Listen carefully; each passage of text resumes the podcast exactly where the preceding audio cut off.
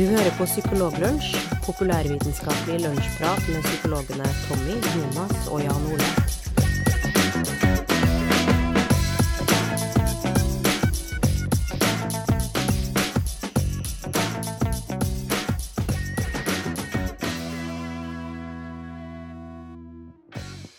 Da er vi i gang med en ny episode av Psykologlunsj. Eh, Vi sitter fortsatt i Drøbak, i Melhus og på, i Malvik.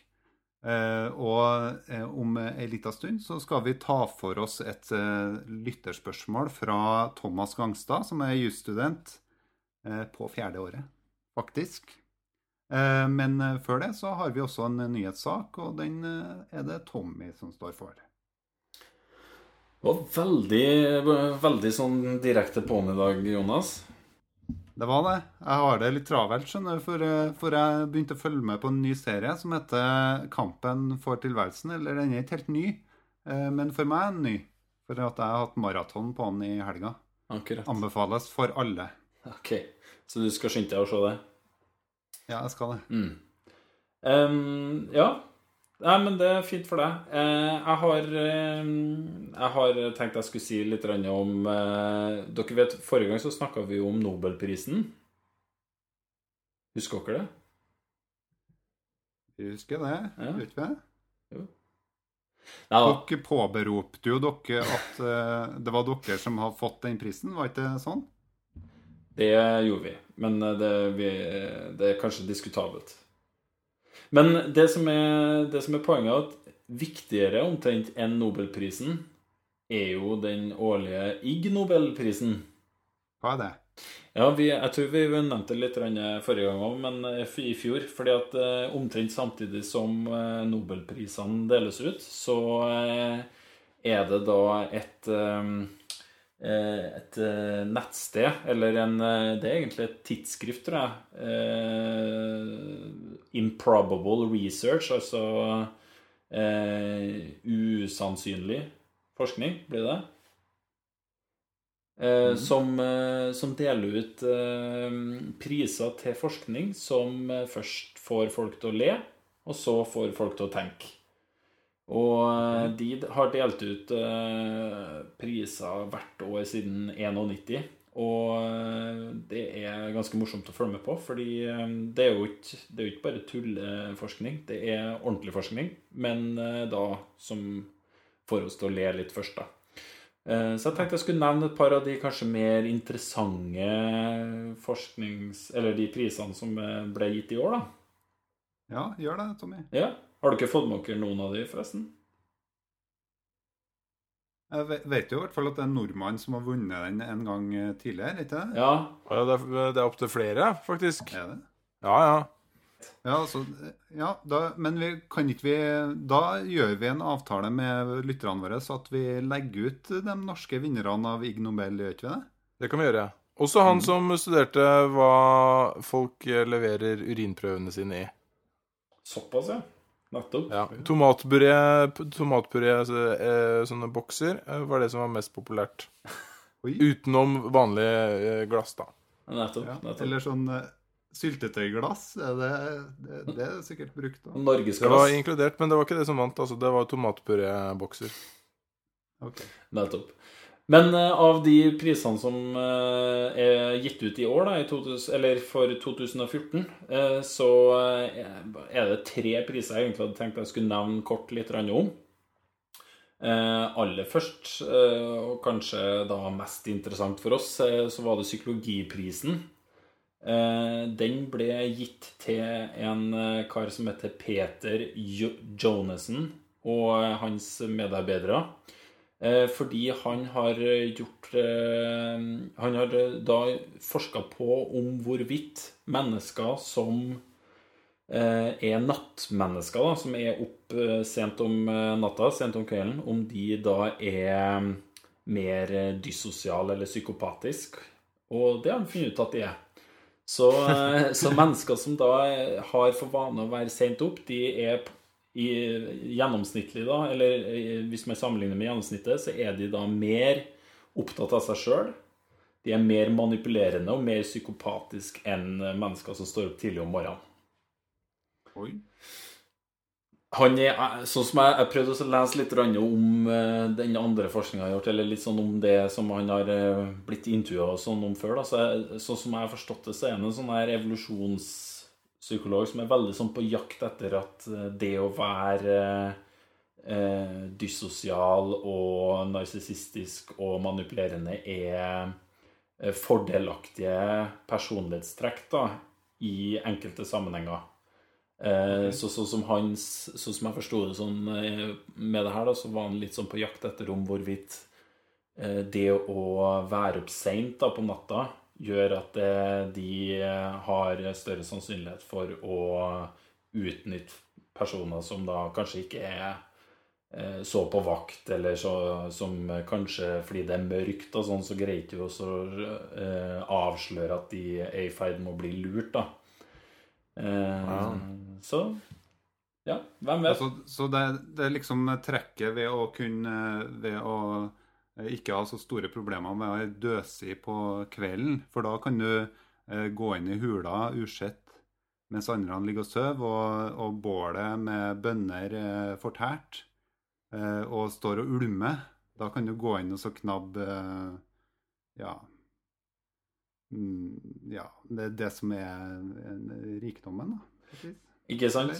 Så, eh, så det, det var Han sammenligna Eller han tok også en sånn Hadde en merknad om det at det å ha sex var vanligere på kvelden, og det å gjøre kriminelle handlinger var også vanligere på kvelden. da. Så det var en del ting som kanskje mm, mulig må nødt til å gjøres litt mer forskning på, da, men det var i hvert fall hans, eh, hans uh, hypotese. Og han fant støtte for det da når han hadde undersøkt en, jeg tror det var en 300 personer omtrent som han hadde sjekka. da. Eh, om Så det er dyssosialt å ha sex? Eh, Det, var det jo en eh, Nei, det var, det var nok ikke det, men altså det å eh, jeg vet, husk, husk, Var ikke du, Jan Ole, som tok opp en gang det der med at man At, at sånn ryggrad og vilje er noe som du liksom går tom for i løpet av dagen? Ja, stemmer det. Ja. Eh, at hvis man, hvis man f.eks. skal i retten, så er det lurt å Eller det, det er litt avhengig av om du er tidlig på dagen eller sent på dagen, eh, for om du blir Om du får sånn eh, eh, prøveløslatelse eller ikke.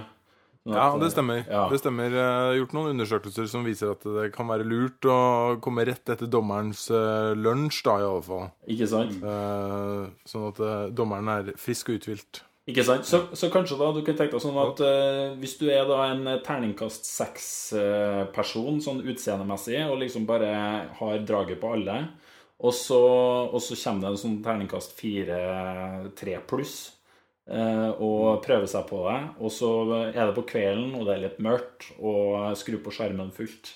Så jeg tror det er sånn han har tenkt det. Så da er det sjanse for å få eh, at det blir noe på han, da. Eller han eller hun. For det var ingen kjønnsforskjeller, forresten. Det var litt interessant. Og hvis du mister ryggrad i løpet av døgnet, så er det greit å bestille en kiropraktortime litt tidlig på dagen. Det er veldig viktig. Ja, det, uh, bare for å bare for minst å få høre det knekket. det er sant. Ikke sant? Ehm, det var det. Også den eh, andre prisen jeg tenkte jeg skulle nevne, det var prisen i ehm, I Skal vi se nå i, Var ikke det i biologi, tror jeg? Nei, det var i, i eh, folkehelse, i public health. Eh, der var det altså noen noen forskere som hadde undersøkt om hvorvidt det å ha Altså det å være et menneske og eie en katt, om det var farlig for den mentale helsa. Eh, eh, og det var det, da. Eh, og det hadde, det hadde litt eh, Noe av de grunnene til det, det var det der som jeg har skrevet en en liten sånn tekst om på psykologisk.no, det her med sånn toksoplasmose. Eh, så eh, den ene artikkelen har da eh, tittelen 'Changes in personality profile of young women with latent toxoplasmosis'. Og det andre, en annen ting de gjorde, de hadde, de hadde sjekka om det var noe sammenheng mellom de å ha De har gått gjennom sånn em, medisinske journaler og sjekka om eh, det er samsvar mellom det å ha blitt bitt av en katt en gang i tiden, og det å ha utvikla depresjon seinere. Så, så spennende greier. Så fordi det, det kommer jo fram i pasientjournaler, eller eh, Ja, de, hadde, de hadde, de hadde visstnok gått gjennom helt eh, en ekstremt eh, antall med, med journaler, da, og så søkt liksom på cat bites og cat eh, wo, Du altså, trenger ikke lete så mye etter det, for det står jo under kave. Så står jo det. Og den eh, siste prisen, som egentlig jeg syns var den morsomste, og det tror jeg kanskje dere syns òg, det, det er neppe noen store overraskelser for deres del her, men det var prisen i nevrovitenskap. Eh, som eh, var gitt til noen eh, kinesere, blant annet, som jeg ikke skal prøve å uttale navnet. Men det var da en gruppe forskere som da Dere vet jo det her med pareidoli, pareidoli som vi har snakka om tidligere. Tendensen folk har til å se ansikt i objekter eller ting hvor det ikke nødvendigvis er et bilde av et ansikt. Sånn som når folk ser et ansikt i, i Altså rista brød, f.eks. Eh, og da har en eh, gjeng med nevroforskere da, eh, sjekka om de greide å finne det eh, det biologiske underliggende Altså de delene av hjernen som er ansvarlig for det. Så det er en fan, det her, her er ikke det her tidenes beste eh, tittel på en publikasjon, så vet ikke jeg. Eh, Det er da altså 'Seeing Jesus in Toast'. Neural and behavioral correlates of face pareidolia. Eh, Så de har, de har da det, er altså enkelte områder i hjernen som fra før av er godt kjent at er eh, ansvarlig for det å kjenne igjen ansikter når du bare ser på mennesker i en folkemengde, eller ser på mennesker. Og så har de da bare plukka ut helt sånn tilfeldige bilder eh, av ulike ting og tang. Eh, og så har du bare sagt til halvparten at eh, i det bildet her så er det mulig å se et ansikt. Eh, Og en tredjedel av tilfellene da så, så noen et ansikt når de ble liksom bare fortalt at det var det, uten at, uten at det var det. da. Um, Og da var det de samme områdene i hjernen som, som, som lyste opp da på sånne MRI MRI-undersøkelser, sånne bilder. Eh, Så, så det er de, akkurat de samme områdene i hjernen som eh, aktiveres når du tror du ser ansikt i tilfeldige ting, som når du faktisk studerer ansikt i, det virkelige liv. Ja. Kult. Det var overraskende funn.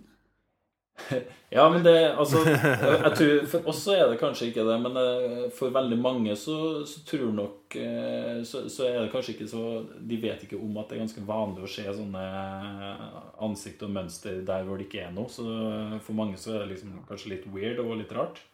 At folk Mm. ser eh, ansiktet i månen eller eh, i forskjellige ting, da. Men det, det skal sies, bare for å kommentere det du sier eh, der, Jonas, eh, det det er jo at eh, eh, det er ikke så lett å la seg overraske av det at eh, det, og det, når du tror at du ser ansikter, da lyser de samme områdene opp som når du faktisk ser dem. Sånn er det med alt oppi hjernen. Det er ikke et eget senter nødvendigvis for innbilning eller fantasi. Det er sånn at eh, hvis du tenker på et musikkstykke, så lyser de områdene opp som ofte assosieres med at du hører det musikkstykket. Det er, ikke, det er ikke sånn at hjernen skiller på det. Og det er faktisk, eh, det er faktisk sånn at vi har heller et senter eh, med oss som hjelper oss å skille når det er fantasi og ikke. Ikke sant? Vi har, vi har moduler i hjernen som på en måte eh, sørger for at vi skjønner at vi bare tenker det, og at ikke vi ordentlig hører det. Men noen ganger så kan de områdene bli litt sånn eh, svekket, og da kan vi faktisk tro at vi får musikken utenfra, selv om vi bare hører det inni hodet vårt.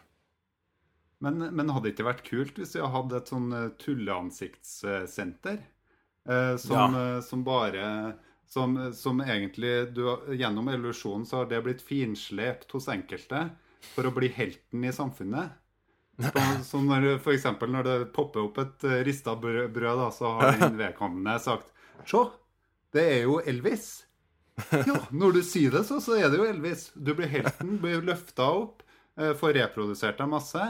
Og det, den egenskapen går videre, da. Tulleansiktssenteret.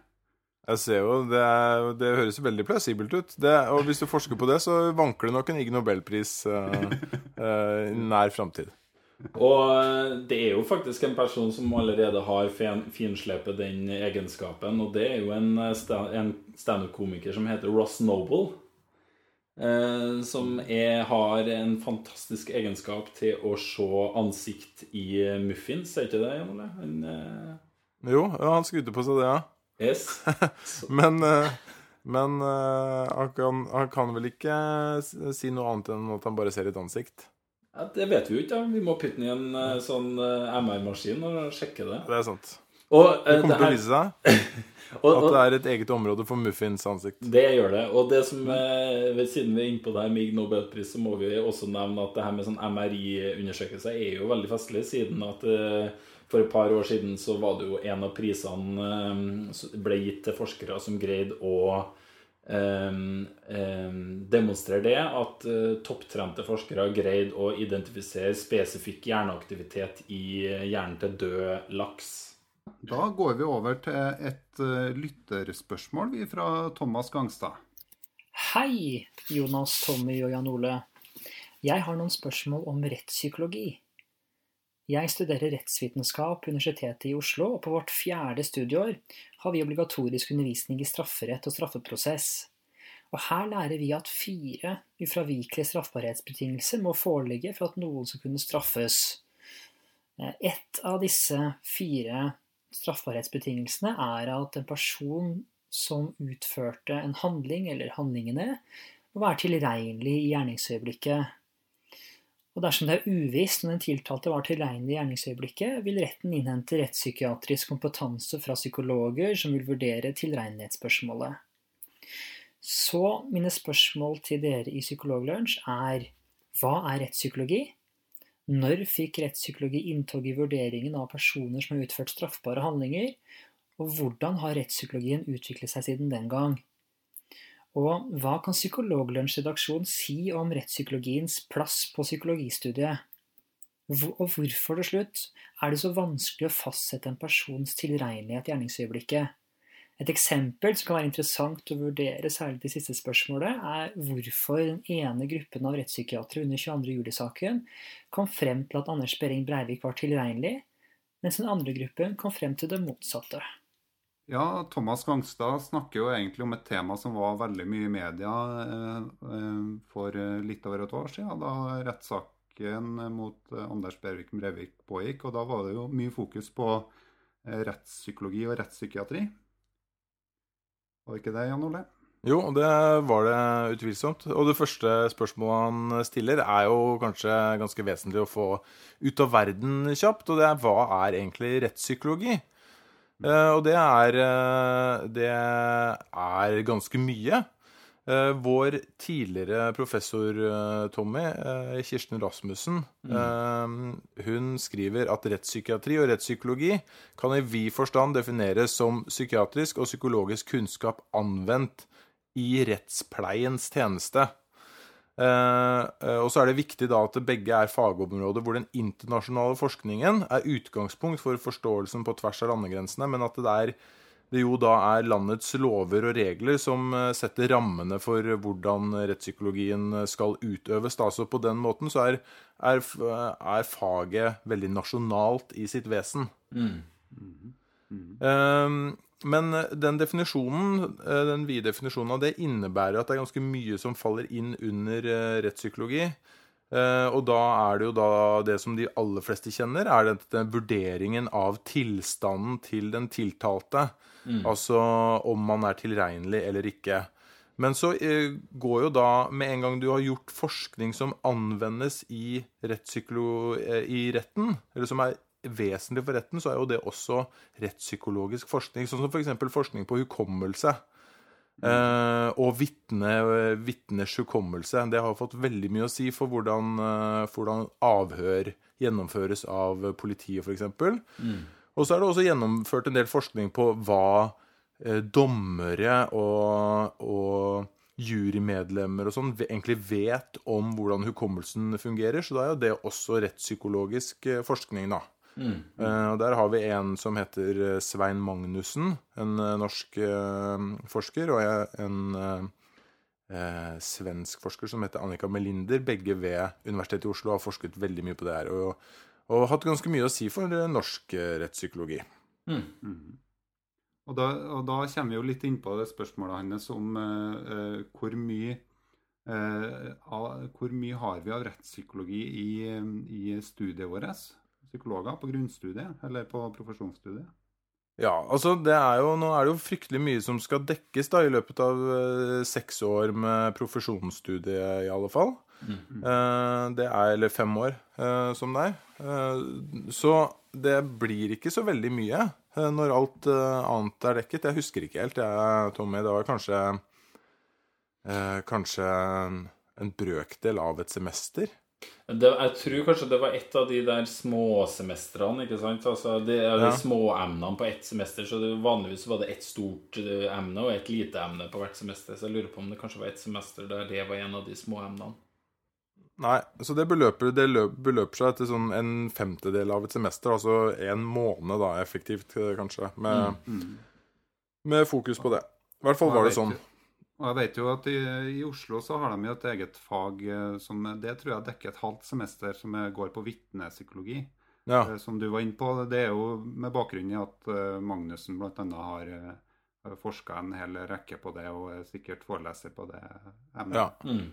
Og det, det er jo typisk det også, at hvis du har noen som er veldig fremtredende på de forskjellige feltene, så får du også større plass i, i, studiet.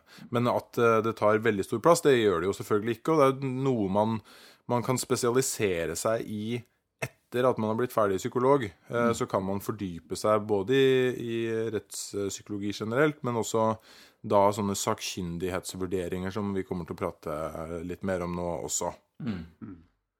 Så, så er det Han spør jo også om eh, når rettspsykologien fikk litt sånn inntog eh, i vurderingen av personer som har utført straffbare hen- hendelser. Eh, og det er et ganske interessant eh, spørsmål. Nå har ikke jeg funnet noe på nøyaktig når begrepet rettspsykologi begynte å dukke opp, om man fikk eh, psykologer og psykiatere inn i rettssalen. Men det er nå sånn at i hvert fall siden antikken så har har det vært sånn at syke mennesker ikke skal straffes. Det har vært nedfelt i loven at syke mennesker, folk som har vært syke i gjerningsøyeblikket, de skal ikke straffes. Um, og det hadde vi uh, i norrøn lov også, uh, i, eh, i Norge, eller da det før egentlig det ble Norge. Da, da hadde man et begrep som også ble kalt galmannsdrap, som ikke skulle straffes på samme måte som friske mennsdrap. da. Og da vi fikk vår aller første landsdekkende lov i eh, 1274 det, Den het da Landsloven. Eh, Magnus Lagabøte, vet du. Kong Magnus, eh, som eh, fikset den. Eh, der er det en egen eh, bestemmelse som innebærer at en gal, eh, gal drapsmann, i motsetning til drapsmenn uten da mentale lidelser, ikke trengte å flykte fra landet. Det var bare da Det unntaket gjaldt bare så lenge man var eh, syk, da. Så lenge sinnslidelsen besto. Akkurat. Mm. Så, men eh, det er jo helt åpenbart at eh, noen har tatt disse vurderingene også for kjempelenge siden. Mm. Da het de selvfølgelig ikke psykologer, men uh, dette har alltid vært, eller i hvert fall i uh, lang, lang tid, vært en sentral del av rettsapparatet. Uh, at man ikke skal straffes hvis man er syk. En uh, liten uh, digresjon eh, på det. Det, jo, det var jo en periode, og antageligvis en god del etter det der, at det i enkelte steder i verden ble, var, man hadde for vane å stille dyr for retten. Visste dere det? Det, det var visstnok annet en sånn berømt uh, sak, jeg tror det var fra Frankrike, hvor, uh, hvor eh, en gris, en purke, og, og purkas grisunger da ble tiltalt for å ha drept en person. Uh, sikkert de rulla seg over den, eller hva nå, jeg vet ikke. Og, og fikk oppnevnt advokat og alt mulig, da. Men, Men eh, det, det, hadde, det, hadde, seg sånn at vanligvis så, så stilte de ganske dårlig, da. Så det ble fort eh, De ble fort dødsdømt, da. Eh, det kom dårlig ut av det. Så, så jeg tror i akkurat den saken der så ble da altså purka dømt. Men grisungene slapp unna da fordi de var så unge og lettpåvirkelige. Så de, så de slapp unna. Det er en veldig fin avrunding på den saken, Tommy, for du kommer inn på alder. Uh, som er et perfekt utgangspunkt for å snakke om tilregnelighet og utilregnelighet. Fordi uh, det er sånn at noen mennesker skal jo da defineres som enten for altså tilregnelige, altså de kan ta imot straff, de kan stå til ansvar for sine handlinger, og noen kan ikke det. De er utilregnelige. De kan mm. ikke straffes. Og den aller, aller største gruppen uh, mennesker som er utilregnelige, det er 600 000 av dem i dette landet. Mm. Det er alle under 15 år. Nettopp. Da er det fritt vilt. De kan per de kan uh, gjøre hva de vil, og de kan ikke straffes. De kan selvfølgelig havne på en uh, ungdomsinstitusjon eller uh, legges inn på tvang osv., men de kan, ikke, de kan, ikke, straffes etter norsk lov, da. Så har vi jo noen andre grupper mennesker også som er utilregnelige på samme måte. Det er da, Og her kommer ekspertvurderingene inn. Vi trenger jo ikke å vurdere om noen er over eller under mm. 15 år, i hvert fall ikke, stort sett ikke. Mm. Uh, så det, vi trenger ikke i hvert fall psykologer til å vurdere det. Men uh, psykologene kommer inn der hvor uh, man skal vurdere om en person er altså ut, psykisk utviklingshemmet i alvorlig grad. Mm. det er kriteriet som gjør at man kan bli utilregnelig. og så er det det som kalles bevisstløs i gjerningsøyeblikket. Mm.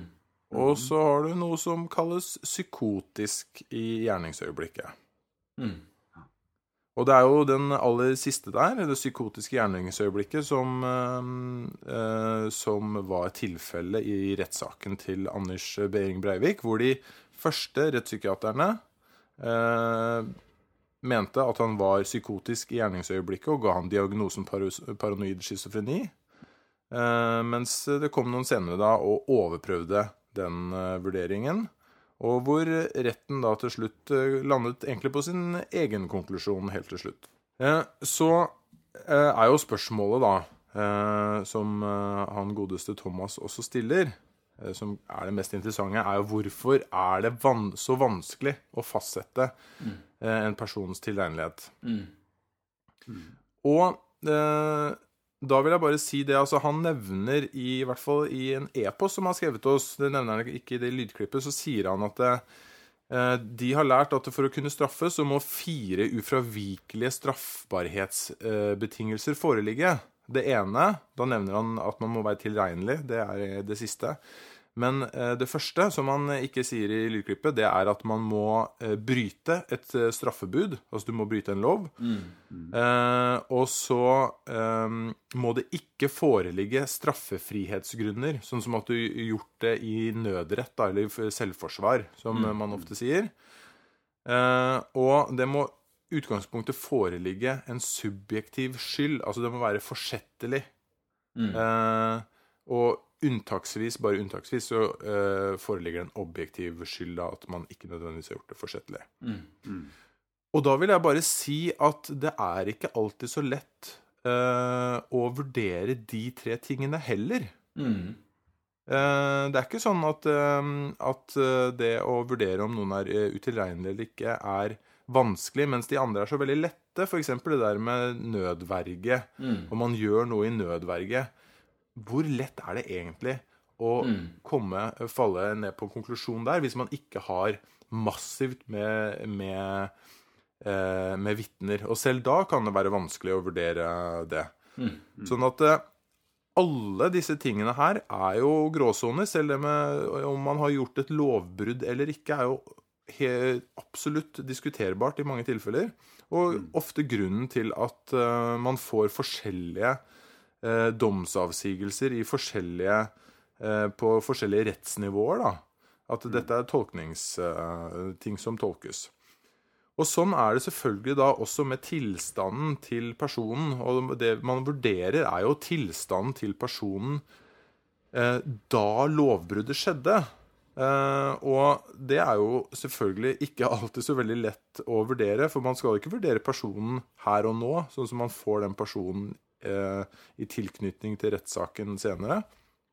Men man skal vurdere hvordan personen var da drapet skjedde. Eh, og da er det jo eh, Da er man jo henvist da, til eh, den informasjonen eh, som man eh, har fått eh, via rettssaken. Og da delvis selvfølgelig også undersøkelse av den personen man, som man har med å gjøre. Og siden det ikke er klare kriterier her, så er det selvfølgelig også sånn at forskjellige mennesker, forskjellige fagpersoner, vil eh, kunne komme til forskjellige konklusjoner. Og det er ikke noe som kommer til å forsvinne. Det, sånn kommer det alltid til å være. Eh, I hvert fall i vår levetid så kommer det til å være sånn at vi eh, må nok leve med at hvis vi vil at noen skal vurdere om en person har vært tilregnelig eller ikke, så må vi også Eh, leve med at uh, hvis man gir den oppgaven til flere forskjellige personer, så vil de kunne komme til forskjellige konklusjoner. Mm. Nei, det, det, jeg tenker er det der med hvor, hvor snedig det kan bli når to fagfelt som egentlig driver på med hver sin greie, krasjer sammen. Fordi vi som er oppflaska med, med, psykologi på universitetet og har lært altså En av de der grunn steinene i psykologi er jo det der med at eh, ting kan være på den ene måten eller på den andre måten. Altså det, det her med det må på en måte få en bredde i ting. Eh, og, og, se ting fra forskjellige eh, synsvinkler og alt mulig sånt er noe vi, vi på, et slags ideal da, i psykologien. Det å på en måte si at noe er på én bestemt måte, er egentlig eh, veldig sjeldent. Eh, mm. Og så i, i, rettssystemet så er det jo måte, Der er det jo helt motsatt. Der, skal, der, er det spørsmål om skyldig eller ikke skyldig, eh, straff eller ikke straff, eh, og alt det der. Sånn at, eh, sånn at eh, psykologi som sånn, i hvert fall som sånn terapifag, da, skiller seg veldig fra juss som fag.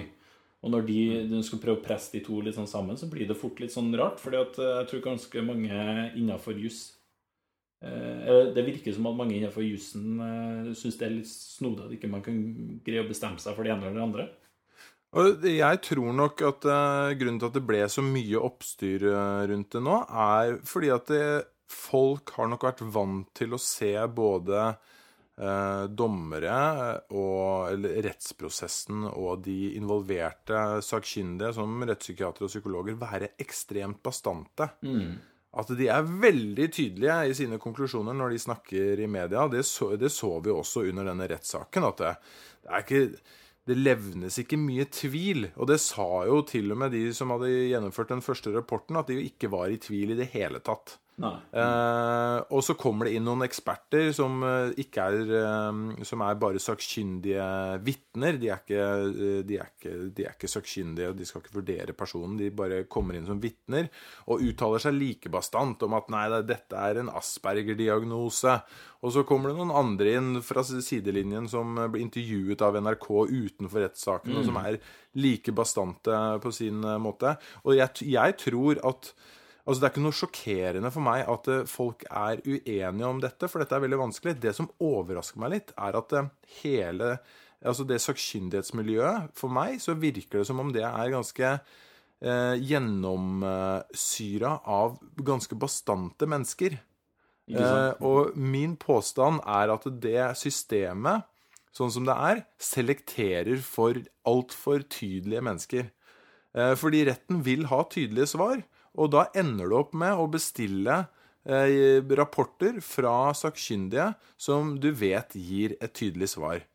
Eh, selv om det ikke er grunnlag for det. Jeg vil hevde at det aldri er veldig godt grunnlag for å gi kjempetydelige svar.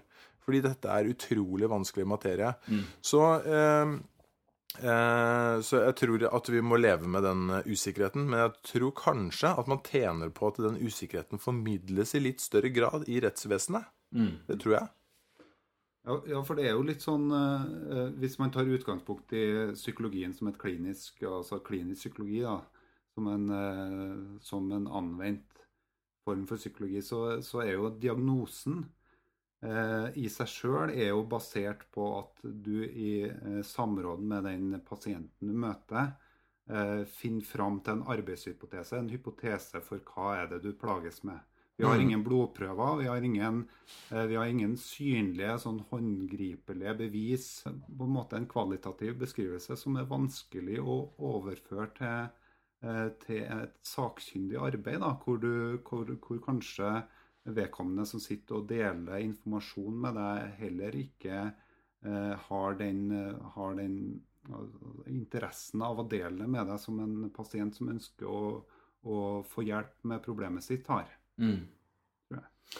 Og eh, det her er jo kanskje kjent for uh, vår kjære Thomas Gangstad, men uh, det blir jo enda mer uh, rot når, de når de begrepene som faktisk benyttes her, er forskjellige i de to ulike domenene av faget her. Altså bevisstløs, psykotisk og psykisk utviklingshemma i juridisk forstand er ikke det samme som bevisstløs, psykotisk og psykisk utviklingshemma i psykologisk og medisinsk forstand.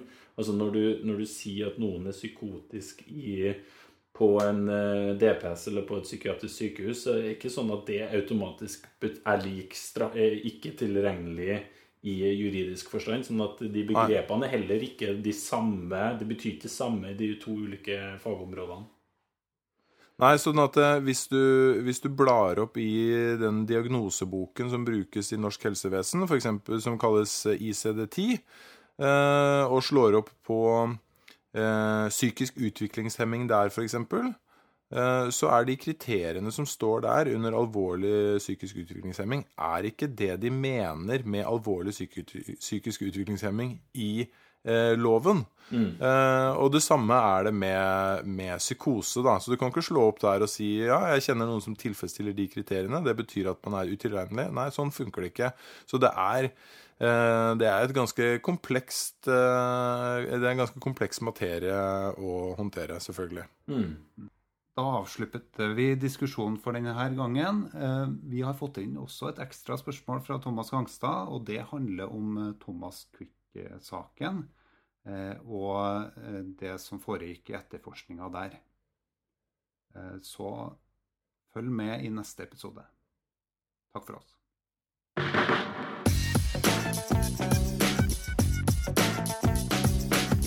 Du har nå lytta til Psykologlunsj. Har du noen spørsmål, kan du søke opp Psykologlunsj på Twitter, eller du kan sende en e-post til psykologlunsj alfakrøll gmail.com.